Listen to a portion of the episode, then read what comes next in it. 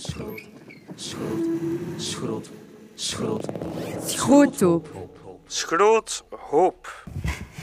Dit is het verhaal van de stoel. Ik ben een goede poepvoeder. Altijd geweest. Dat is zoals een zevende zintuig. Maar ik heb dan ook een heleboel poepen mogen voelen in mijn leven. Als iemand stress heeft of niet helemaal op zijn gemak is, dan heb ik dat meteen door. En stress, ja, dat heb ik veel gevoeld in die leslokalen. Ik heb heel mijn leven bij psychologie gestaan. In lokaal 2B.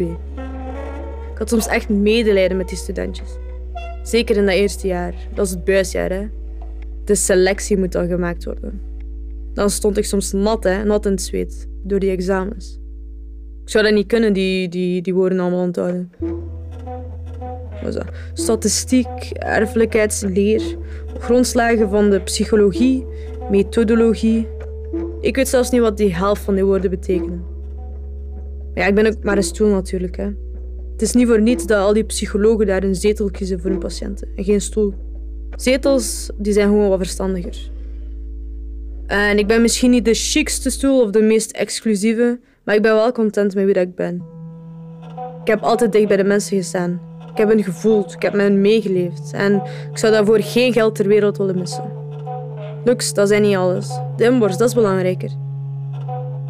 Wij stoelen hebben zo'n spreekwoord.